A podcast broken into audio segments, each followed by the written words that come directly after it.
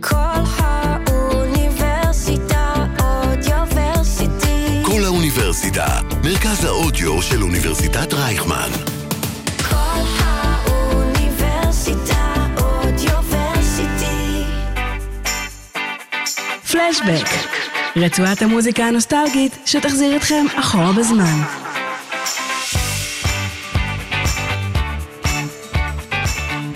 שלום, איזה כיף להיות איתכם כאן שוב בשעה נוסטלגית כל שבוע בפלשבק בכל האוניברסיטה, מרכז האודיו של אוניברסיטת רייכמן. אני צח שמעון, ואתם כבר רגילים לזה שכל שבוע מגיעים לכאן אנשים שאתם אומרים, וואו, איך לא חשבנו על זה לפני זה, ואיך הבאתי אותם. אז הנה, קובי מחט, כאן, מה נשמע? שלום, שלום. איזה כיף, איזה שמע, כיף. אני, אתה יודע, אתה בוחר, אני, אתה צריך לבחור ברגע הזה אם להיעלב או לשמוח שהזמנת אותי. אני אסביר לך. נוסטלגיה, שמע, נוסטלגיה, אתה יודע, ברגע שמשהו נוסטלגי, אוטומטית אתה אומר, טוב, הוא מהעבר, הוא כבר לא רלוונטי היום. אני מקווה שאני עדיין רלוונטי. אז אה. אני יכול- אני יכול להגיד לך שאתה הכי רלוונטי, באמת, ושמעתי את המשפט הזה באמת מכמעט כל אחד שהגיע, שאומר לי, אני לא יודע אם להיעלב או לשמוח, אבל אני אקח את זה כמחמאה, ואתה תגלה באמת שאתה אפילו לא, אתה תיזכר פה בדברים שאתה תגיד לעצמך, וואו, כאילו, מה מה עברתי? מין? כן, כזה. מבטיח קטע. לך, בהבטחה. לא, בסדר, רק שאני לא אקבל פרס מפעל חיים אחרי זה. לא, לא, אל תדאג, זה כבר בשבוע הבא, אין לנו, אין לנו הרבה זמן היום. אז uh, ביקשתי ממך כמה שירים, שככה גם החזירו אותך בזמן, שמסמנים עבורך תקופות ב... בילדות, בנעורים, ואתה נתת לי את השיר הראשון של Just the way you are. כן, אה, של בילי ג'ואל. בילי ג'ואל, נכון.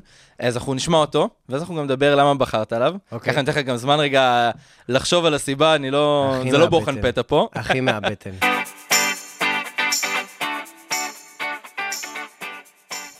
איזה שיר. שיר מדהים של אומן, אולי האומן הכי אהוב עליי בכל הזמנים, בילי ג'ואל כמובן. זהו, ואמרת שבחרת את השיר הזה מהבטן. לגמרי מהבטן, וגם ההסברים ללמה הם מהבטן, לא, אני לא צריך לחשוב על למה, כי לא. קודם כל זה שיר שמלווה אותי המון המון שנים, אה, אבל אני אגיד לך מה, זה, אתה יודע, אנחנו יום האהבה, אפרופו יום נכון. האהבה שמתרגש עלינו וכאלה, אז זה שיר שמתאים לכל האהבות שהיו לי, אבל יותר מזה אפילו, אפילו לכל החברויות שהיו לי. לא רק אוקיי. עם בני המין השני, בנות המין השני, גם חברים שיש לי. אני באיזשהו שלב בחיים שלי למדתי שאת את החברים שלך אתה בוחר למרות ולא בגלל. אוקיי. למה אני מתכוון? אתה יכול לאהוב מישהו בגלל שהוא כזה וכזה וכזה וכזה. בסופו של דבר, מהר מאוד אתה תתקל בחומה הזאת של נכון. אה, הנה הפגם הזה שלו, הנה המקום הזה שמתנגש באישיות שלי וכן הלאה. אני אוהב את החברים שלי למרות, למרות מה שהם, למרות הש, השלילי ש, שפוגש אותי אצלם, למרות זה אוקיי. שזה קצת קמצן, וההוא קצת נרקסיסט, וההוא קצת... אבל, אבל בסוף אתה אוהב אותם, למרות כל הפגמים האלה, אתה מוכן להחליק את הכל, ואתה, ויש לי איזושהי אהבה, וכל אחד מהם נותן, ממלא משהו אחר בחיי. גם האהבות שהיו לי בחיי, גם חברים, אה, ידידים, ידידות וכן הלאה. אז השיר הזה הוא שיר מדהים, והוא שיר אהבה מדהים של פשוט לקבל אנשים כפי שהם, בלי, בלי לרצות לשנות משהו בהם. יש שורה אחת שמקלקלת נכון. אצל בילי ג'ואל ולא הייתה עוברת אולי ב-2023. הוא אומר שם, I don't want clever conversation, אני לא רוצה לעבוד כל כך קשה, עזבי אותי משיחות אה, קשות, תני לי אותך כמו ש... כאילו הוא קצת מסתכל על האישה, כאילו היא, אה, לפחות האישה שהוא מדבר עליה, כאילו היא, הוא לא מחפש ממנה אינטליגנציה. אצלי זה דו, תמיד היה דבר חשוב. זאת אומרת, הבן כן. שיח שלי, לא משנה אם זה אהבה או חבר או מה שזה לא יהיה, אינטליגנציה חייבת להיות שם. זה גבר גם יותר כאילו על הקטע של, בוא, לכל אחד מאיתנו יש את הטעם של, אתה יודע, של הבן אדם שהוא אוהב, ופחות או יותר אה, אנחנו נמשכים לאותם, לאותו טייפקאסט, אתה. מדבר על לוק. זה כאילו, כן, הלוק, אבל כן. אני מנסה, אתה יודע, גם בזה עכשיו לא, לא לגעת במילים ש... שגם לא, לא, אפשר ת- ליפול בהם, אבל... תיגע, אה, תיגע לגמרי. תשמע. בסוף, בסוף מה אנחנו? אנחנו יצורים אנחנו. ביולוגיים נכון. שהם מורכבים מפולסים חשמליים וכימיה. אנחנו נכון. מנסים לפעמים לעשות עם זה יותר, אבל בסוף אנחנו יצורים ביולוגיים. וכן, אנחנו נמשכים לטייפקאסט מסוים, וכן, הלאה. אתה יכול, אתה יכול לראות את זה בהמון מקומות. נכון. וגם לי יש, אני מניח, אני לא חקרתי ולא מצאתי איזה מכנה משותף סופר הדוק בין אנשים שאהבתי בחיי, נגיד, אבל נניח שיש אנשים, ש... יש סוגים מסוימים של אה, אישה שאני יותר אה, כנראה אה, אמשך אליהם. אוקיי. אבל תמיד, תמיד היה, יש אצלי את דרגת החופש הזאת של אה, הרמת שיח והשכל שהיא מביאה, וה... אתה, אני יכול אולי גם להימשך... התחושה שלי גורמת לך להיות גם מי שאתה, ולא ברור. עכשיו לשקול כל מילה גם. שאתה בא ואומר. ברור, יש, אתה יודע, אני יכול. אני יכול להת, להתאהב בתכונות כמו חריצות. חריצות, חריצות אני כמעט אגיד מחרמנת אותי. כן? אני מת על אדם חרוץ, זה, נכון. זה, אני אומר, וואו, איזה, הוא פעיל, הוא זה, אני, אגב, אני כזה, אני חושב שזה, אני מאוד מעריך את התכונה הזאת. פעם היה לי חבר באוניברסיטה, הוא עדיין חבר שלי, אבל פעם היינו ביחד באוניברסיטה, והוא אמר לי, אגב, הוא היא אשתו היום, מי שאני מספר עליה, ואז הוא אמר לי, אני... היא מה זה היגיינית? עכשיו, תקשיב, אני אומר לך שאם היא הייתה שומעת את זה בזמן אמת, היא הייתה אומרת, בואנה, אני לא יוצאת עם הבן אדם הזה בחיים, חולה נפש, מה זה? מה זה כן. הדבר הזה? להג... להגדיר אותה כהיגיינית ובגלל זה אתה נמשך אליה, אני הבנתי אותו. אני יכול להבין למה זה משהו, למה ריח טוב של מישהו, או העובדה שהוא נורא מקפיד על אה, טיפוח, או לא, לאו דווקא, אתה יודע, איפור כן. וכן הלאה, אבל זה יכול למשוך אותו. אז כן, אני, חריצות מדליקה אותי, אינטליגנציה סופר מדליקה אותי, אה, כל מיני תכונות כאלה. וואי. לא, אהבתי את העני- את העניין של התכונה, כי לכל אחד יש את הדבר הזה, שאף אחד אחר לא יבין אותו, על מה, על מה הוא מדבר. ואז אם מישהו אחר שומע אותך, אתה כזה, בטח הוא, בטח הוא חושב שאני עכשיו איזה סתום, כאילו שאני לא, לא יודע מה, מה עובר עליי, אבל כל אחד יש את הדבר הזה, ואנחנו גם מתביישים להודות בזה, בוא. אה, ש- שיש את הדברים האלה שהם קצת יותר חשובים לנו, ואנחנו גם נכון, מפחדים איך אה, ישפטו אותנו על זה. אז היתרון של, אה, אני חושב, אם אתה אדם טוקטיבי, אז אתה יכול לנסות ולתווך את הדבר הזה שהוא עשוי, עלול להתפרש כמשהו מוזר אצל, בעיני. השומע, אבל אם אתה מספיק טוקטיבי, אתה יכול לנסות ולתווך את זה, ולפעמים אתה מצליח. אני את הבחור הזה לגמרי הבנתי. אוקיי. אה, אני חושב שחריצות, אני חושב שאני מספר לך, עכשיו מספר למאזינים, אני חושב כן. שאנשים יכולים להבין את זה. הם לא יבינו דווקא את המשיכה שלי לחריצות, אבל הם יכולים להבין למה להם יש את התכונה המיוחדת הזאת שיכולה להדליק אותם אצל, אצל בן נכון. זוג. למרות שהיא לא כאילו הדבר הזה הראשון שאתה מסתכל בדרך כלל. בדרך כלל אנשים אומרים, גובה, צבע עיניים, צבע שיער. אה, נכון, מה הוא עושה בחיים, זה כן, גם מה איפה שאנשים... הוא למד כן. ובאיזו פקולטה. כזה. טוב, יפה. אבל אני רוצה רגע לחזור שנייה למשפט ש... שאמרת, עם העניין של ה... אני לא יודע אם uh, לשמוח מזה או להיעלב, כן. מהקטע של הנוסטלגיה. וכשאנשים באים ואומרים לך, גדלתי עליך, אני עף על זה, כיף לי. אבל זה בפנים, אתה יודע, כאילו, אתה יכול. לעוף על זה גם... שום דבר לא עושה לי רע. להפוך, תראה, אני לא יודע, אני נורא נהנה מזה, זה נורא כיף לי. זה כמעט, אה, אתה יודע, זה אחד התגמולים שאתה מקבל כשאתה מופיע בציבור. אתה מקבל כסף, אתה מקבל, יש לך כל מיני סוגים של תמורות ותגמולים. אחת התמורות הכי גדולות והכי מספקות, המערכת הזאת, אתה יודע, שוב, אנחנו נחזור לזה שאנחנו אנשים, כן. יצורים ביולוגיים. נכון. בסוף, מתי הדופמין משתחרר, והמערכת הלימבית שלך מפרגנת לך בפידבק כזה שגורם לך אה, להרגיש טוב, וואלה, כשאנשים באים ואומרים לי, גדלתי עליך, או אומרים לילד שלהם, טוב, השבוע נכנסתי עם אשתי לגלידריה, בסדר? רק אוקיי. אני ואשתי, אשתי מכירה אותי כבר 17 שנים. אה, עדיין אתה לא חדש לה. לא חדש לה, אתה יודע מה? לא חדש לה. ולא, כבר הגענו למצב שהיא נותנת לי כיפים כשהיא חוזרת הביתה. עזוב, עזוב, הגענו למצב מאוד לא טוב, אבל לא חשוב. אוקיי. נכנסנו לגלידריה, לא נגיד את שמה, והבחורה מאח- מבחוץ, היא צילמה אותי עוד כשאני נכנס, ואז כשנכנסתי היא אמרה, וואו, אתה מושלם, אתה פשוט מושלם. עכשיו, תקשיב, אני רוצה להגיד לך, עלה לי קצת צומק בלחיים, והיה לי אוקיי. נורא כיף שמישהי באוזני אשתי, שמכירה אותי כל כך הרבה שנים, אמרה לי, אתה מושלם, לא כי אני מושלם, אני רחוק מלהיות מושלם, אבל כי איזה כיף זה שהיא מקבלת אישור מחדש שהיא בחרה אולי נכון. אז אתה יודע, זה כיף, כאילו, בכל כך הרבה מובנים. כן. אבל יש גם צד שני, אל תשכח שיש גם אנשים שאומרים לך דברים לא נחמדים. אה, עדיין יש אנשים שזוכרים לך דברים אה, מפעם? לא, לא, לא, לא, לא, לא? לא דווקא זוכרים לי משהו, אלא סתם אנשים, יש כאלה שנורא בא להם לתפוס אותך ולהגיד לך, אתה יודע, הדבר הכי דבילי, בא להם לצרוח לך מהאוטו, טל בוזרי היה יותר טוב. עכשיו, למה כן. הוא אומר לי את זה? הוא צועק לי את זה כדי, מה, להעליב אותי? עכשיו, אני אומר לו, וואלה, אתה צודק, יש לך טעם טוב. מהמם. אבל, אה, ואנשים אומרים דברים יותר קיצוניים, אתה יודע, אפשר? להגיד לך, אה, בואנה, יש לך יותר שיער שיבה ממה שזכרתי אותך, או אתה- יותר שמן בטלוויזיה. אני חושב שזו הבעיה של היום אבל. כי פעם לא היו עושים את זה ככה ברמת קיצוניות כזאת. כי היום, אתה, בגלל שאתה גם עוקב אחרי האנשים האלה ב- באינסטגרם, בפייסבוק, רואה אותם בכל מקום, למדנו את זה גם בלימודים, אתה חושב שהם חברים שלך, אז אתה כבר לא מבדיל, כשאתה. מגיע כאילו מולם פנים מול פנים, אתה לא מבדיל, ואתה מבחינתך כאילו יכול להגיד לו מה ש- מה שאתה רוצה. זה הבדל אחד, ההבדל השני הוא שפעם כשהיו רוצים להגיד לך את זה, היו אומרים לך את זה בפנים או במכתב. היום אומרים לך את זה במדיה חברתית, ויש buffer גדול ביניכם. כן. הוא לא רואה אותך, הוא לא רואה למה הפנים שלך מתכרכמות או נעצבות כשאתה אומר לו משהו שמעליב אותו. אגב, אני לא כל כך נוטה להיעלב, אני... כן? בסדר. לא הייתה אבל איזו תגובה כזאת שכן עשתה לך כזה, לא יודע, אה, לטובה או לרעה? כן, אני שואל, לא חייב לטובה- ללכת על לטובה השלילי. אמרו לי הרבה דברים ששימחו אותי, אה, ואתה לרעה... זוכר איזה משהו? אה, הנה, הנה, זכרתי, אתה זוכר- אתה רואה את זאת לא, אבל את נגיד, זאת שאמרה לי, אה, אתה מושלם. אני לא- רחוק מלהיות מושלם, אגב. כמעט למה? מושלם, אני מקבל. למה? מה, מי מאיתנו לא, מושלם? אני חושב? לא, אני יודע שאף אחד לא מושלם, אבל אתה יודע, כל אחד יש לו את הסיבות שלו ל- ללמה הוא לא מושלם. או, אתה וואו, חושב שאתה אתה לא? רוצה אה, לא, רשימה בוא של בוא- מגרעותיי, אני יכול... יש לך שעה? תן לי, לי יש לי יש את. הזמן. אני מה זה לוקח ללב, ומה זה יכול להיות עקשן ופרד באמת? לפעמים. כן, לא, אתה- מאוד עקשן. לא, עקשן דווקא, אני, אני כן יכול להיות עליך, אבל מישהו שלוקח ללב, זה מה שקצת מפתיע מאוד אותי. מאוד לוקח ללב. כן? תראה, זה לא כזה מפתיע, אם אתה חושב על זה שבדרך כלל, בוא נגיד ככלל אצבע, אם אתה נפגש באומן, סביר להניח שהוא רגיש. לוקח ללב, אוקיי. כן, זה חלק מ- מהעובדה. שאתה אומן, כאילו, אתה, היכולת שלך להיות קצת זיקית וקצת לחוש תחוש, תחושות של קהל ולהרגיש את האדם שעומד מולך. אז אתה רגיש, באופן כללי, האור שלך הוא קצת יותר דק. אוקיי. לשמחתי, עוד פעם, לא כל כך הרבה העליבו אותי, אז אולי לא פיתחתי גם אור עבה. אני מניח שאתה יודע, אני רואה אנשים הרבה יותר צעירים ממני.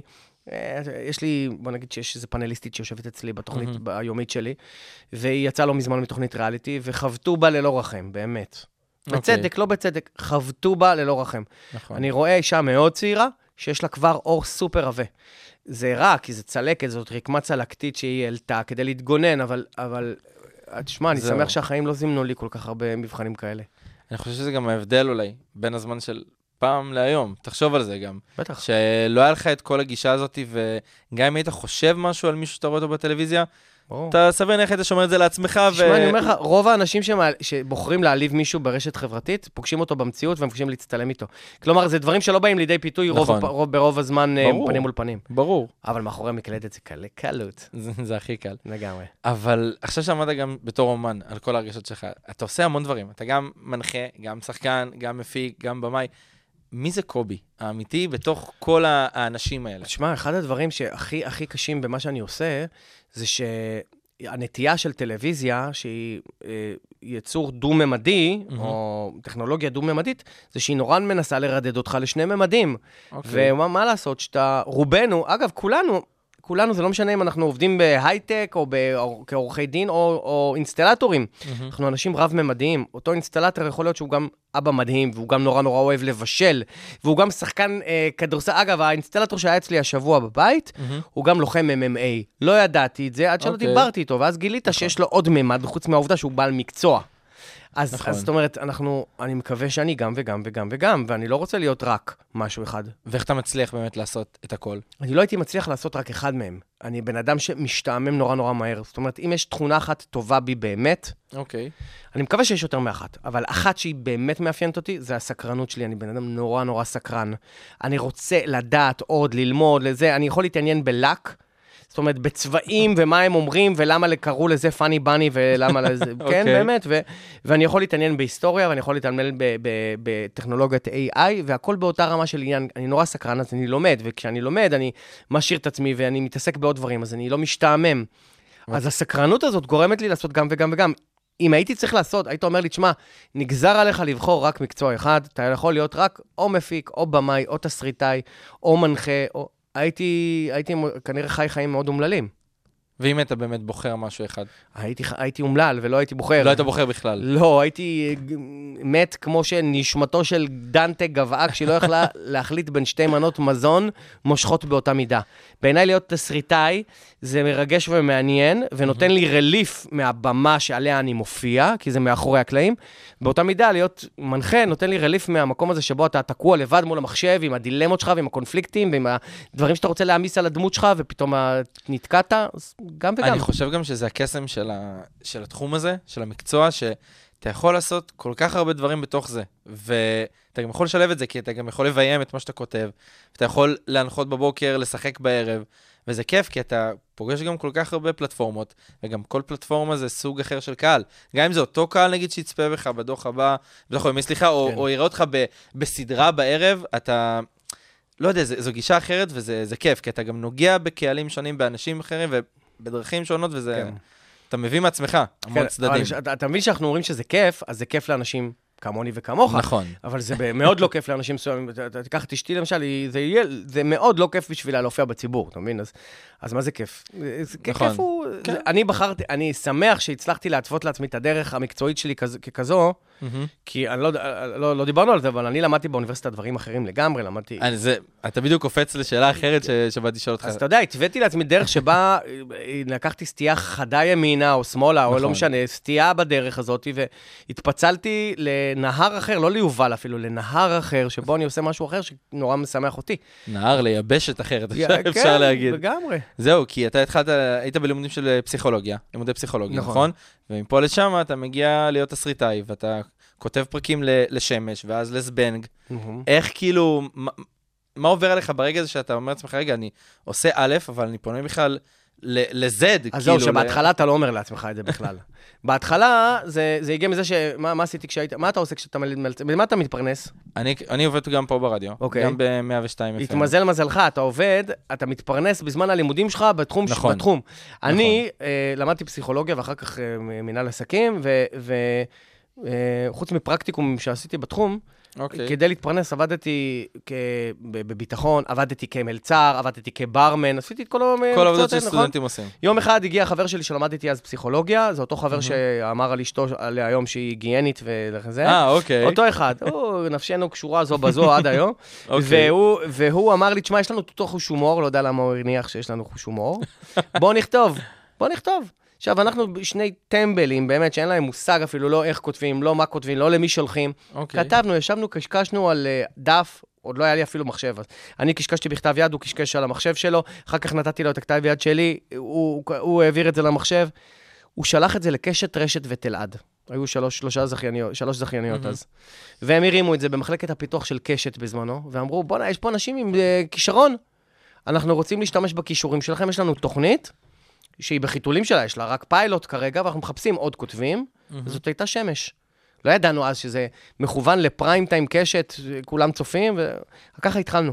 עכשיו, בהתחלה עוד לא הגדרתי את זה כמקצוע שלי, זה פשוט הייתה דרך נהדרת להתפרנס כסטודנט, ולא למלצר. אז במקום ללכת למלצר, כתבתי, והיה נחמד, והרווחנו יחסית אה, אחלה כסף, והלכנו ויצרנו אפילו עוד סדרה, יצרנו את זבנג, ואחר כך עוד הרבה הרבה סדרות.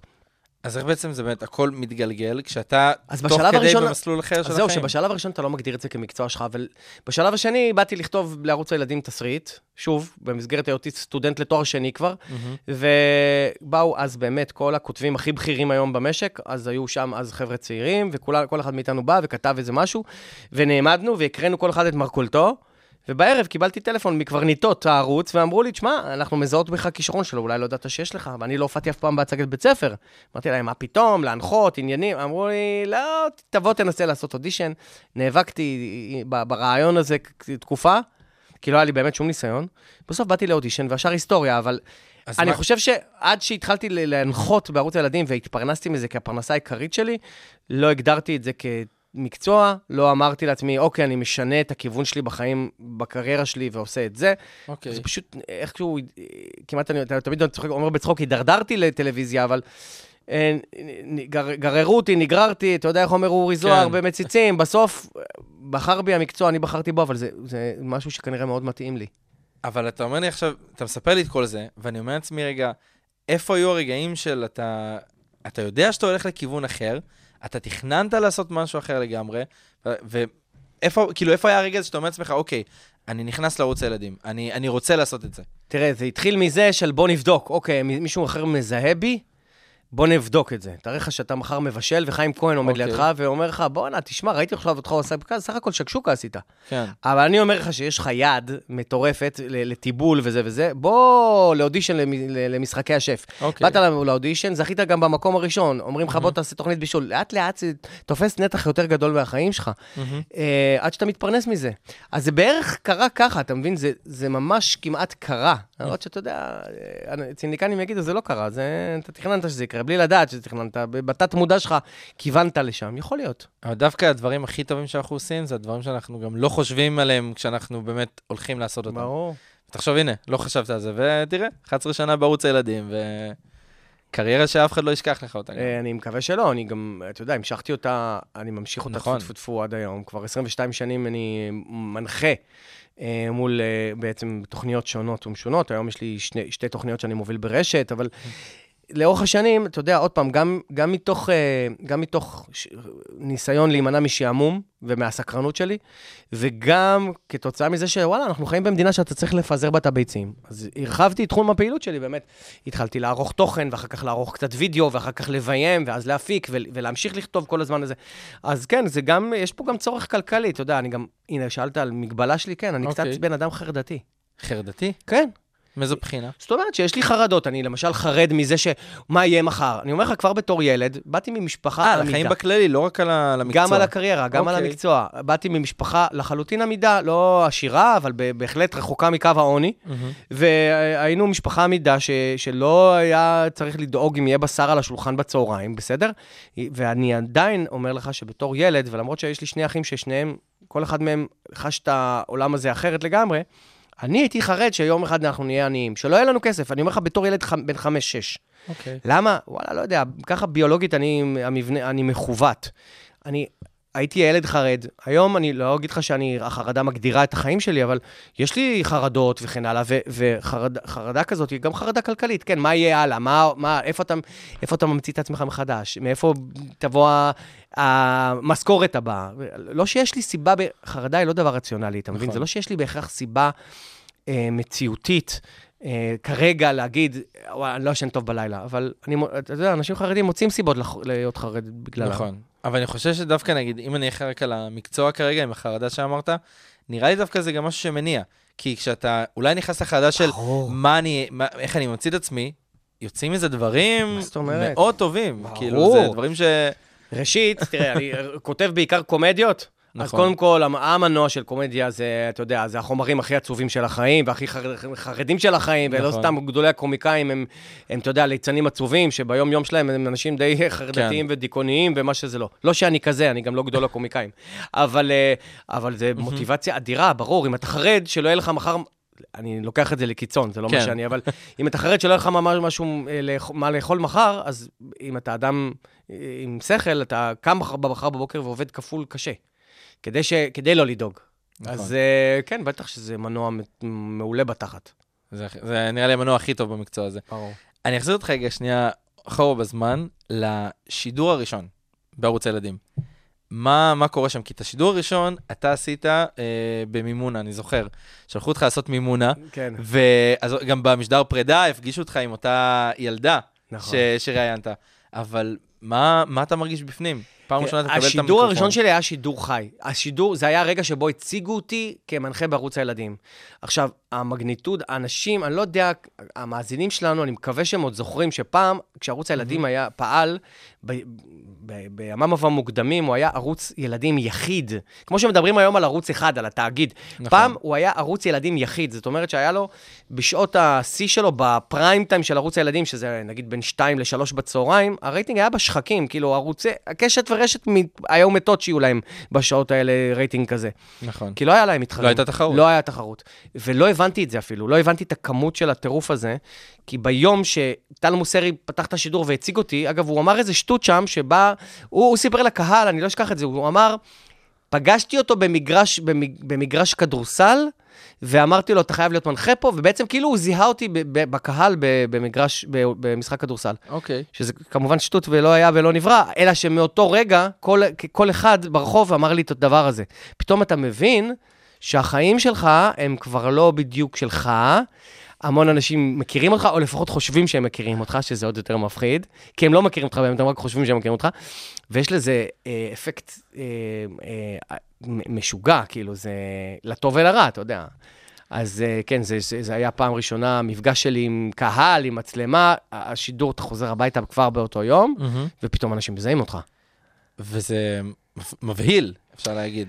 בוא, אתה גם אומר לי בן אדם עם חרדות, אפשר להגיד כאילו... לא הבהיל לקחת אותי לרגע. לא? אני, אגיד לך את האמת, לא, יש דברים שאני ממש לא חרד מהם, למשל, אוקיי. למשל, באופן מפתיע. אני, אה, קהל, אה, דברים שמפחידים מאוד אנשים, קהל לא מפחיד אותי, לא מפחיד אותי מבחנים, אני להפך, אני, תן לי, מבחן מבחינתי הוא אתגר. אתה נותן לי אוקיי. אתגר, אני, אני מסתער עליו, להפך. אלו דברים שאני מרגיש שאני יכול להם, שאני רוצה להתמודד איתם, שהם כאילו נותנים לי איזושהי הזדמנות לבחון את עצמי.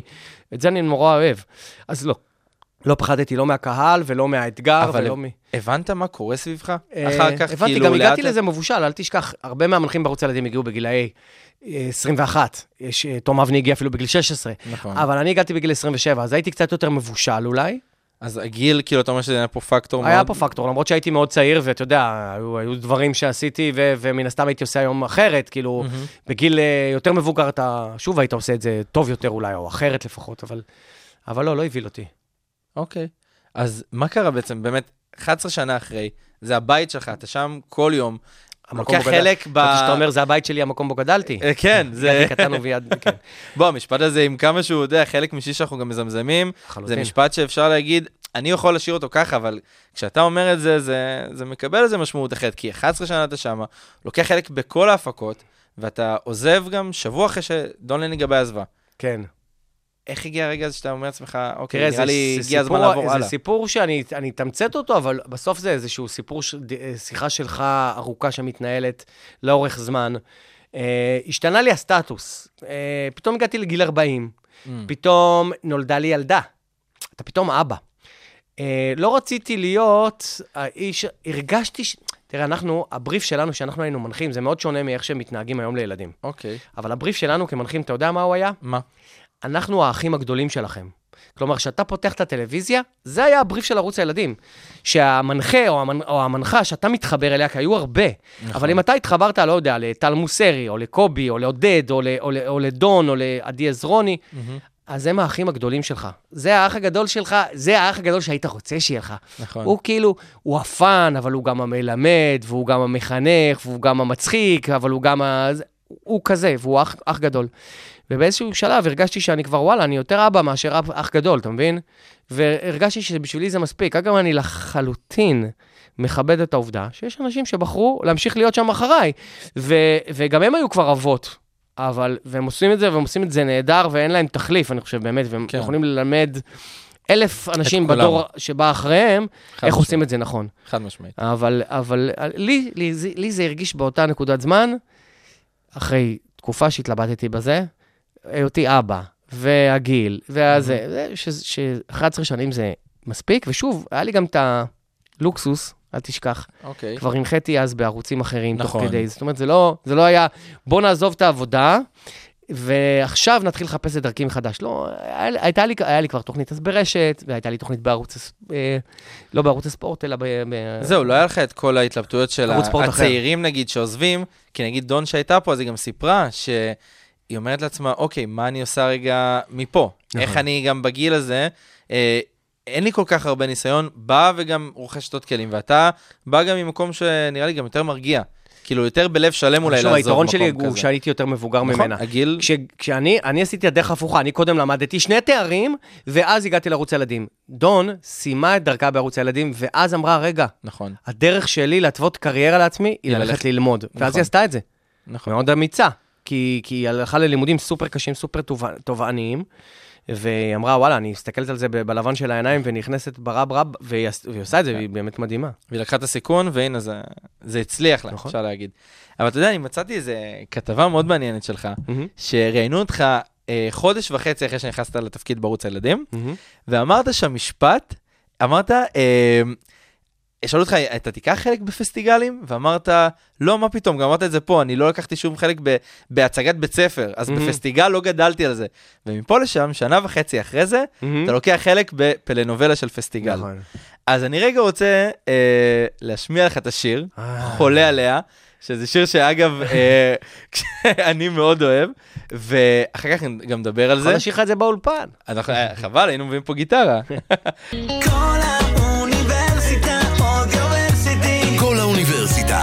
מרכז האודיו של אוניברסיטת רייכמן. פלשבק, רצועת המוזיקה הנוסטלגית שתחזיר אתכם אחורה בזמן. איזה כיף שחזרתם אלינו, וגם תודה למי שנשאר איתנו. אתם על פלשבק בכל האוניברסיטה, מרכז האודיו של אוניברסיטת רייכמן, ואיתי קובי מחט, שנראה לי המון זמן לא שמעת את השיר הזה. מלא זמן לא שמעתי את השיר הזה. אבל שרתי אותו כל כך הרבה פעמים, גם בהופעות כמובן, בפסטיגל איזה 90 הופעות. תשמע, זו תקופה מצחיקה וכיפית נורא. מצחיקה, למה? כי הפסטיגל נראה לי קשה ב- ברמות זה קשה, קודם כל זה קשה. ברמה שזה אי אפשר לתאר בכלל. אה, מצד שני, זה כיף, זה מצחיק, זה, אתה יודע, אתה, אתה נכנס לתוך בועה כזאת, שבה אתה רואה רק את האנשים שמופיעים איתך בפסטיגל ואת הרקדניות ואת הצוות שמסביב, ופתאום זה נהיה כזה, אני לא רוצה להגיד משפחה, כי, כי יש זילות במובן, מש, במונח משפחה, כש, אבל זה כמו משפחה דיספונקציונלית כזאת, כאילו כן. לא כולם לגמרי מתפקדים, יש לך, היה איתי אז צביקה הדר, וזה, כולם, אתה יודע, יש אנשים מצחיקים, יש אנשים מופרעים, יש אנשים... אני עשיתי שם שטויות ברמות שאתה לא מאמין, אתה לא יודע איזה צחוק היה. אז איזה רגע אתה הכי זוכר מהפסטיגל? היי, וואו, אין סוף, אין סוף. אבל השטות, לא יודע, תבחר את השטות הכי- הכי גדולה. אחד הדברים הכי מסו- מסוכנים למפיק של הפסטיגל בתקופת מהמם. ההופעות, זה שההצגה האחרונה היא כזאת שהאומנים, אה, ממש, האומנים מחליטים לעשות בה ברדק באופן מודע.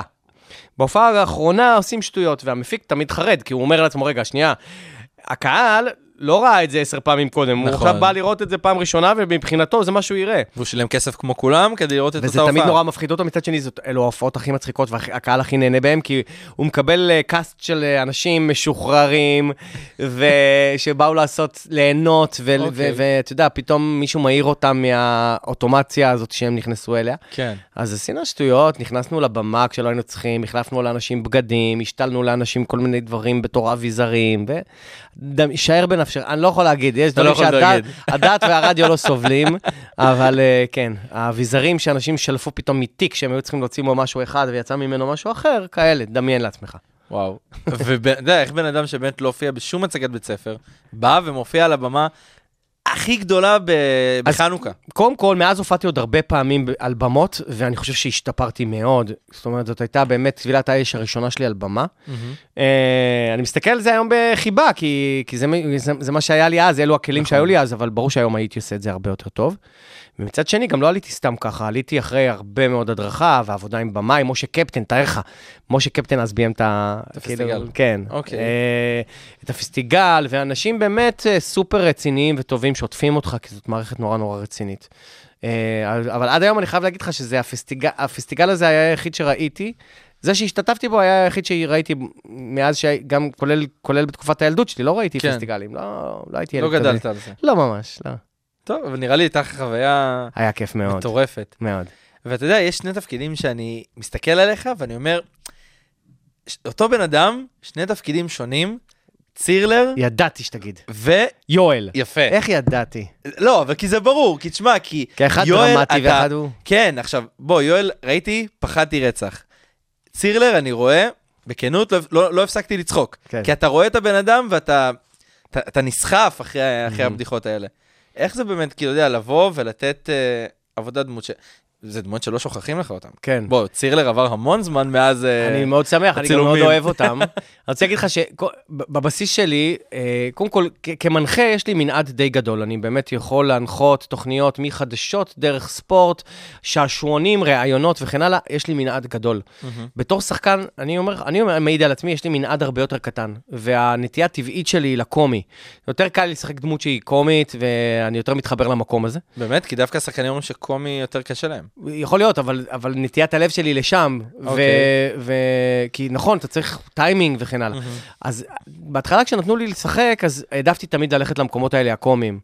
אה, גם בבית ספר חלג, חגבים, עשיתי שם מלא דמויות, נכון. נכון. סגן המנהלת, וקרופניק, ובוז'י, וכל מיני כאלה יצורים שתחפש אותם באינטרנט, אתה צוחק עד היום, באמת, הם עומדים במבחן הזמן. וצירלר וכן הלאה.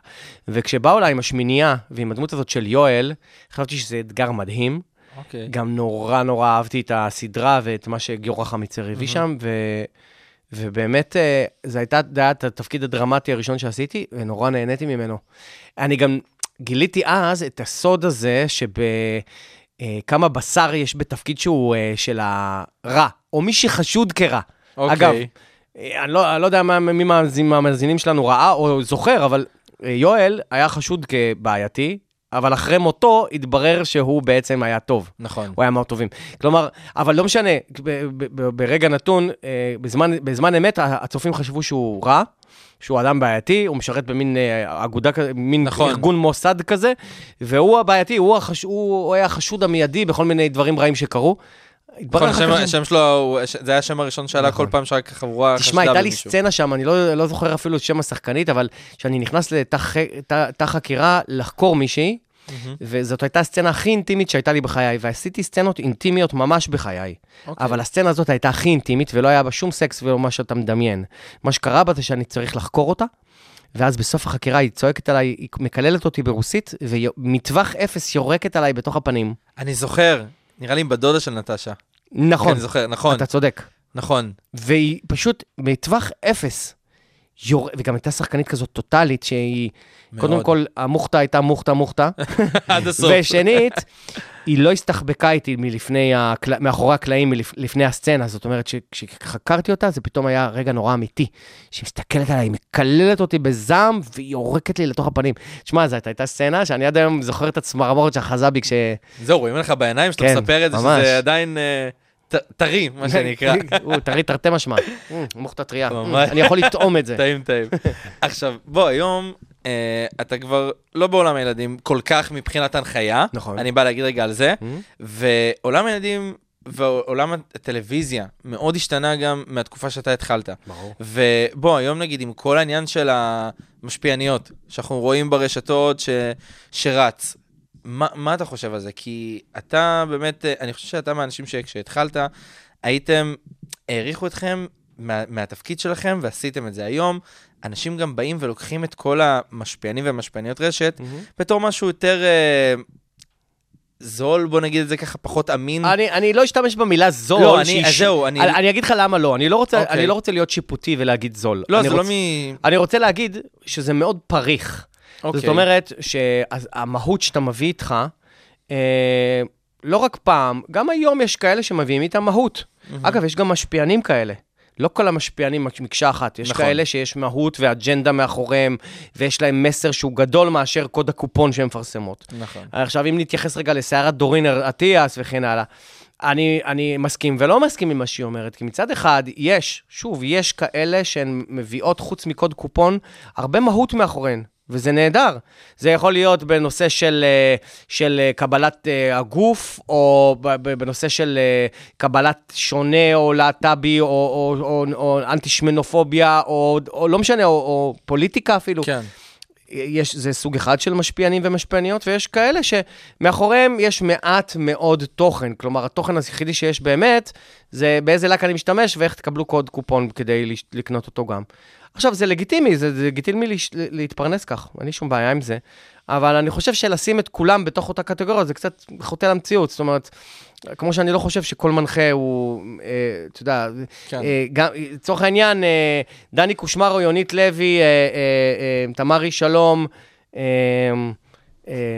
אברי גלעד, הם, הם כולם מנחים, אבל כל אחד מהם עולם אחר שונה לגמרי מאחוריו. זהו, אנשים נוטים היום מאוד להכליל בדברים האלה ולא לראות את האנשים לא, שהם... גם המנחים הם לא מק- מקשה אחת, אני חושב שאנחנו מביאים, כל אחד מביא משהו אחר למסך. אני מקווה שאני מביא איתי גם מהות, אגב, עושה הרבה שטויות, כן? הרבה שטויות, הרבה עבודה במרכאות פריחה. וואלה, אתה יודע מה, בדוח היומי אני יכול לדבר על נושאים סופר רציניים בתחילת התוכנית, נכון. וחמש דקות אחרי זה לדבר על קשקוש בלבוש שקרה אתמול בהישרדות, ואתה יודע מה? זה בסדר גמור ויש לזה מקום וזה נהדר, כי זה אחלה ממתק בידורי שאנחנו צורכים בערב. נכון. ויש לזה מקום, ו- וזה נורא כיף. זה לא מייתר את הצורך שלנו בלקרוא ספר. אני לא אומר לך, בוא תראה הישרדות ואל תקרא ספרים. אני אומר לך, תעשה גם את זה ותעשה גם את זה, ואתה יכול להיות גם וגם.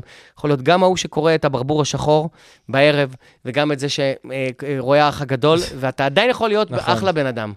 ואתה מרגיש את זה שאולי גם קצת שופטים אותך על זה ש...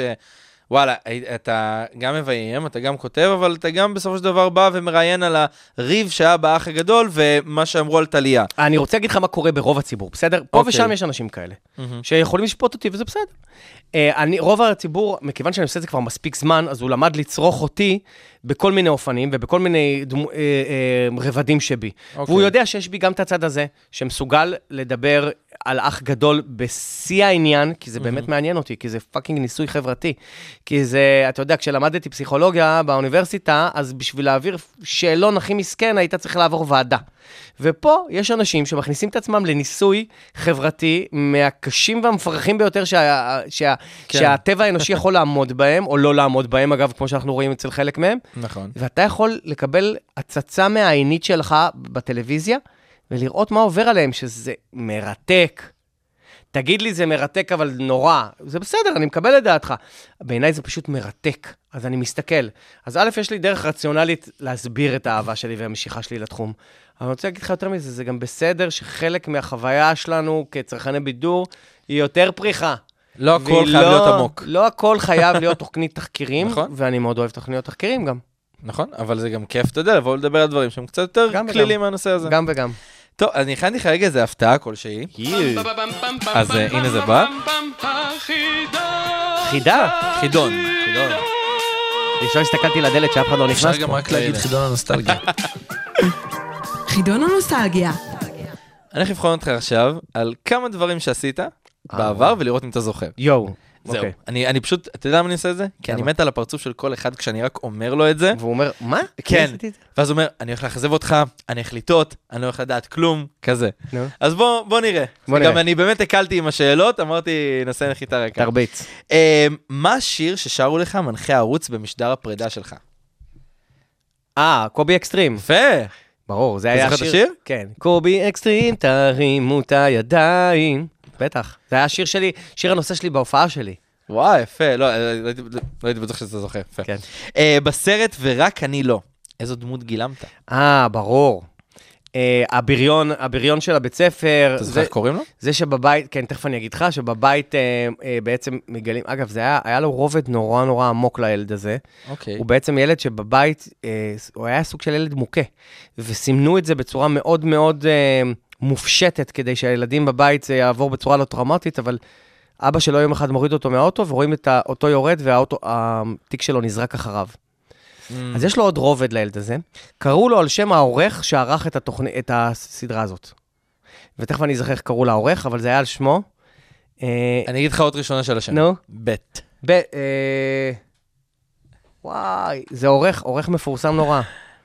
ועל שמו קוראים לה... השם משפחה מתחיל במם. שם פרטי בית, שם משפחה מם. זה, אלה הדברים היחידים שאני יכול להגיד לך. יואו, אני לא מצליח לזכור. בן.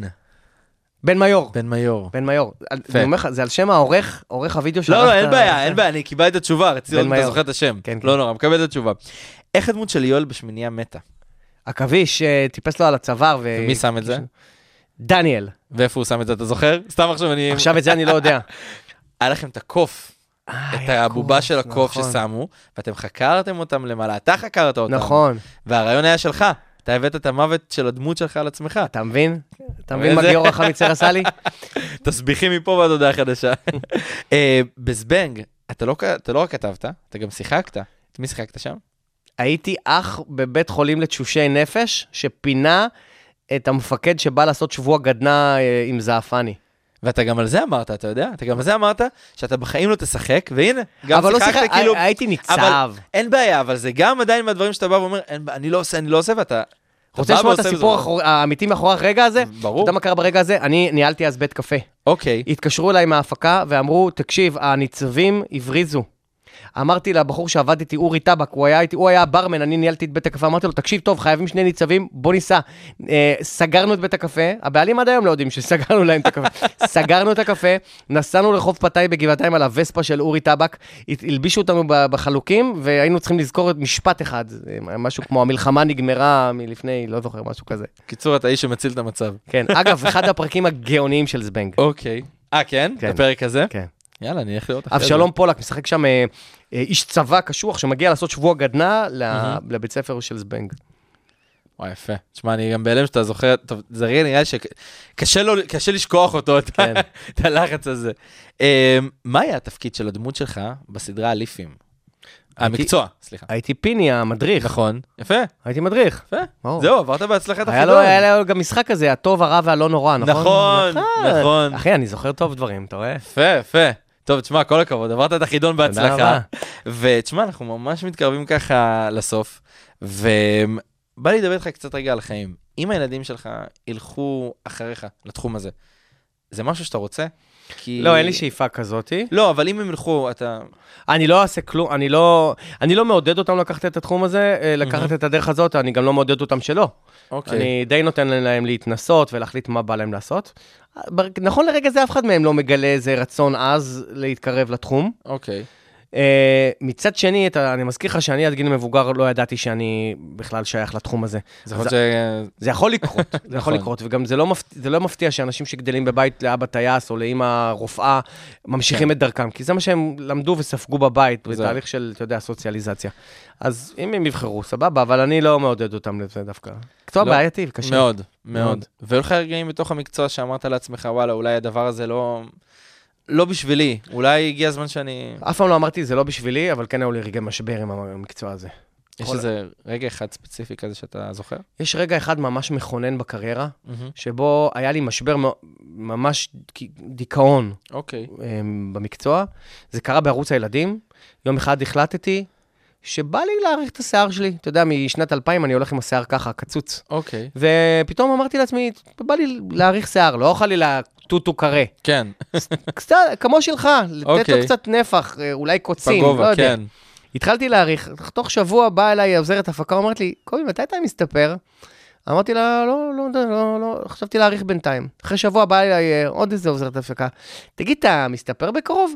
ועכשיו כבר הבנתי ששלחו אותה. אמרתי לה, לא, אני לא מסתפר בקרוב. עכשיו גם נכנסתי קצת לריאקציה, כי אמרתי, אני לא אוהב שאומרים לי מה לעשות. ומה נכון. זאת אומרת, גופי ברשותי, וזה שלי, והשיער שלי, וכן הלאה, ומה מי יגיד לי? ואז באה אליי העורכת הראשית, ואחר כך המפיקה הראשית. וזה נגמר בזה שאחרי חודש, שכבר התחלתי לשים קצת ג'ל בשיער, כי כבר היה לו מספיק אורך, זימנו אותי לפגישה, ישבו שם כל הקברניטות, ועשו לי שיחה שבה הסבירו לי מה הבריף שלי, מה התפקיד שלי בערוץ הילדים. למה טל הוא כזה, ואני הוא כזה, ואני, אני, מי אני? מי הבריף של קובי? קובי הוא זה, הוא, הח- הוא זה שהיה חייל קרבי, והוא כזה, והוא כזה, והשיער שלו הוא קצוץ, כאילו, זה חלק מהבריף. כאילו חלק מהדמות שבנו לך כן. כמנחה. ואני יצאתי מהשיחה הזאת, והייתי ממש בדיכאון, ואני אסביר לך למה. כי פתאום צמצמו אותי לבריף. עכשיו, אני מאוד אוהב את כל האנשים שעבדו איתי, שהיו איתי בשיחה הזאת, מאוד, עד היום. הן כולן הנשים הכי מובילות בתעשיית הבידור עד היום ביש, בישראל, בכל הערוצים, המובילות. והן נשים חכמות וחזקות.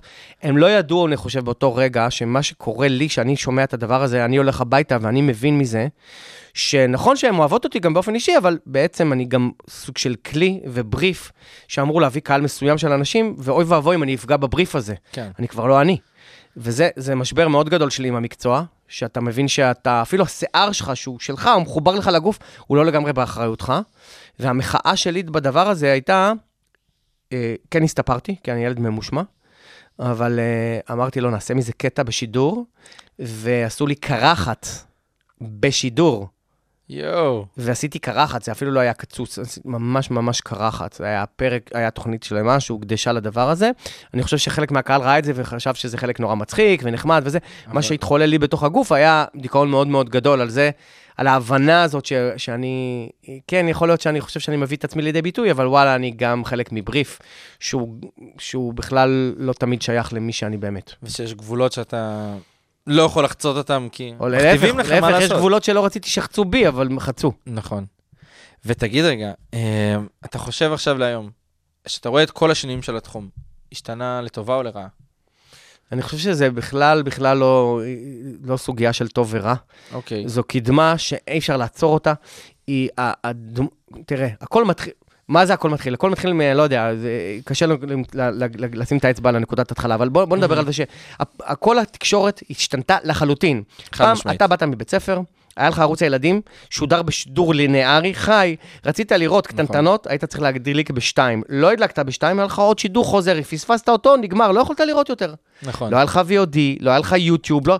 אז ככה יכולת לראות. היום אין צפייה ליניארית בכלל. הילדים שלי, לא מעניין אותם זה שאני עבדתי על סרט קולנוע במשך שלושה חודשים, ועוד חצי שנה עריכות, ואני רוצה שזה יהיה מושלם בסאונד בשביל שבבית קולנוע יראו את זה כמו שהתכוונתי, והם יראו את הסרט הזה בטלפון, ולא מפריע להם שהם זלגו למסך שלא התכוונתי אליו. וזה בסדר. כי מה שאני אומר זה שאתה חייב להתאים את עצמך למפת התקשורת שמשתנה, של ריבוי ערוצים, של צפייה שהיא נדחית והיא לא לינארית, של אני לא חייב לראות שום דבר כאן ועכשיו, אני יכול לראות אותו מתי שאני רוצה, ובאיזה מסך שאני רוצה, והפלטפורמות מרובות, ואתה חייב לעבוד בצורה כזאת. עכשיו, אחי, אתה בפתח של, ת- של, של, של מהפכה מטורפת, שלא עומדת להתרגש עלינו, היא כבר מתרגשת עלינו. שקורית, כן. מהפכת ה-AI, הבינה המלאכותית. אתה לא יכול להגיד לי זה טוב או זה רע, זה מייתר את תפקידם של האנשים היצירתיים או לא. זאת עובדה. לפני, לא יודע, 30 שנה הסתכלת על פוטושופ ואמרת, מה זאת אומרת, אם צלם למד איך לעשות תמונה מושלמת והשתלם בתחום וזה, מה יבוא עכשיו איזה צלם בינוני, ובפוטושופ אחר כך יוציא כל מיני דברים ויכניס כל מיני דברים, אז מה? אז הוא לא יצירתי, הוא לא צלם. היום זה כבר מובן לך, שפוטושופ הוא חלק מהתהליך היצירתי, באותה מידה AI, שאתה היום מסתכל עליו, המהפכה הזאת, היא תבוא, היא תבוא לידי ביטוי באומנות. ובתרבות ובבידור וב, ו, ותמונות ו, ו, ו, וטקסט כתוב וטקסט מדובר וכתיבת תסריטים ומה לא. אתה יודע מה, אנחנו אפילו, הקוגניציה שלנו כל כך מוגבלת, שאנחנו לא מסוגלים באמת לדמיין מה בעוד שנה וחצי, אני לא מדבר איתך על עשר שנים, בעוד שנה וחצי, מה באמת יקרה כאן בתחום הזה. זה כבר קורה עכשיו, אתה יודע, מיום ליום. הדברים משתנים, ואתה כבר לא עוקב. ואני ממליץ השינויים. להיכנס ולעקוב ולהתעניין, ואני אומר לכם, תאמצו, אל תאמצו הרבה תכונות שלי, אבל סקרנות תאמצו, כי אני, סקרנות תכונה חשובה. בהיותי סקרן, אני אומר לך, אני נכנס ואני מתעניין ואני קורא ואני רואה סרטונים ואני מנסה אפילו ללמד את עצמי, כי זה, וואי, זאת המהפכה שכבר קורית והיא המהפכה הבאה בתור. וואי, זה, זה מאוד מעניין, כי באמת זה דברים שאני שם לב. ואם אתה עכשיו מדבר על זה, נגיד, איזה טיפ אתה כן יכול לתת ל, לאנשים שמתחילים עכשיו את הדרך שלהם בעולם התקשורת, ושמים לב למהפכה הזאת, שמים לב לכל דבר הזה שקורה, וקצת אבודים. א', לגלות סקרנות. זאת אומרת, להתעניין במלא דברים, לחקור מלא מלא דברים. אתה לא חייב, להפך, אה, אה, אני, אני, אנחנו חיים בעולם מאוד ספציפי, זאת אומרת, יום אחד, בסוף אתה תהיה הטכ, הט- הטכנ, המהנדס שאחראי על הבורג הספציפי, על הפקודה הספציפית הזאת והזאת במחשב, אבל, אבל להתחיל את זה בתהליך אה, אה, של top down, כאילו, להתחיל מלמעלה, ל- ל- לחקור, לבדוק וזה, אז אתה תגלה במה אתה באמת מתעניין, ואז לחקור אותו, ואז לשאול מלא שאלות. להתחבר לאנשים מהתחום, לשאול שאלות, להיות פרואקטיבי. אנשים מחפשים, מחכים שדברים יבואו אליהם, הם לא יבואו אליך. עכשיו, אתה לא, אתה לא רוצה שזה יבוא אליך? אחת המהפכות הכי גדולות שקרו בשנים האחרונות, זה העובדה שהפלטפורמה נהייתה זמינה לכולם. נכון. פתאום כל אחד יכול ליצור תוכן. אתה לא רוצה, אתה רוצה לביים, ואתה לא מצליח למצוא מישהו שייתן לך את התסריט שלו לביים, תכתוב לבד. או ת, תגייס אתה את, את הכותב.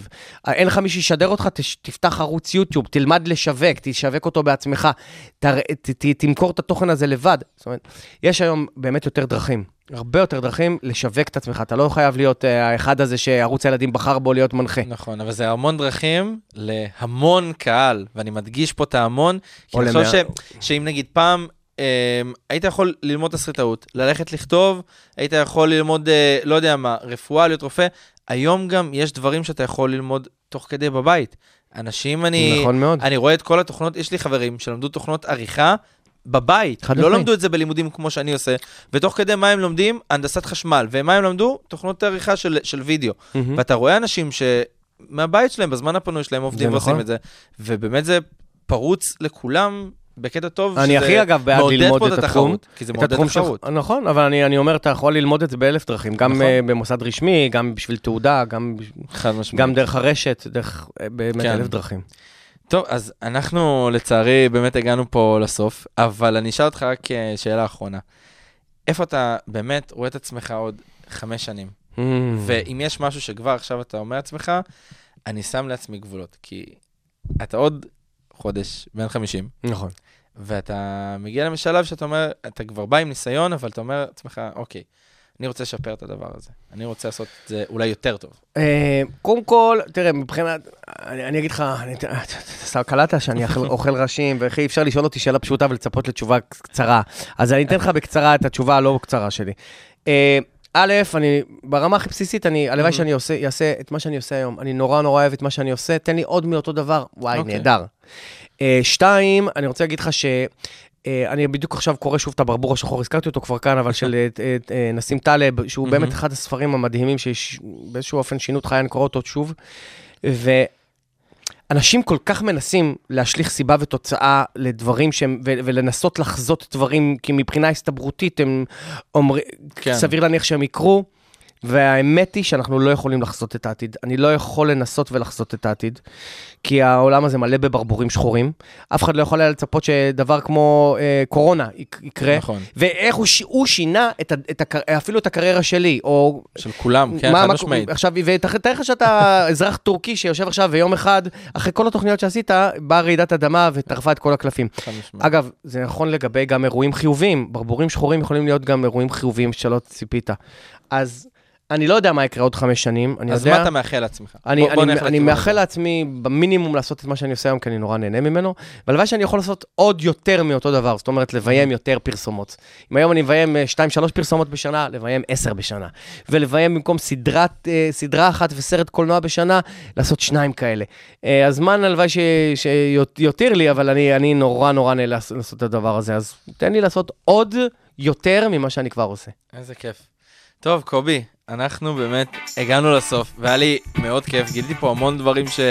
שגם לי, עכשיו, אתה יודע, אתה שולח אותי כזה לחשוב אה, עליהם בבית, וסוג של לעשות אה, חשבון עצמי, אבל אני אגיד לך תודה רבה. שבאת, ואני אגיד תודה גם לעוד כמה אנשים שכל הדבר הזה לא קורה בלעדיהם. טני, לטני, המפיק השידורים שלנו כאן באולפן, שהוא לא שומע אותנו, לתומר פרישמן, מנהל הדיגיטל, לרוני רהב, המפיקה האגדית, לנדב בן נודיס, נויה בן ארוש ודניאלה גולדברג, אה, צוות הדיגיטל שלנו. אני, אני הייתי צריך שמעון, קובי מחט, ואנחנו נסיים עם השיר השני שאתה, אה, שאני קיבלתי ממך, Don't Stop Believing. רוצה להגיד איזה משפט אחד על אה, לא יודע? זה, זה סוג של פסקול אמריקאי כזה, של נעורים, ואני חושב שאף פעם אל, תפס, תז- אל, אל, אל, ת- אל תאבד את זה, תמיד תמשיך להאמין. אה, זה שיר. מדהים, הוא על גבול הצ'יזי מדהים, אבל הוא מדהים. יאללה, ואנחנו נתראה פה בשבוע הבא, יום שלישי, בארבע. תהנו. פלשבק, רצועת המוזיקה הנוסטלגית שתחזיר אתכם אחורה בזמן.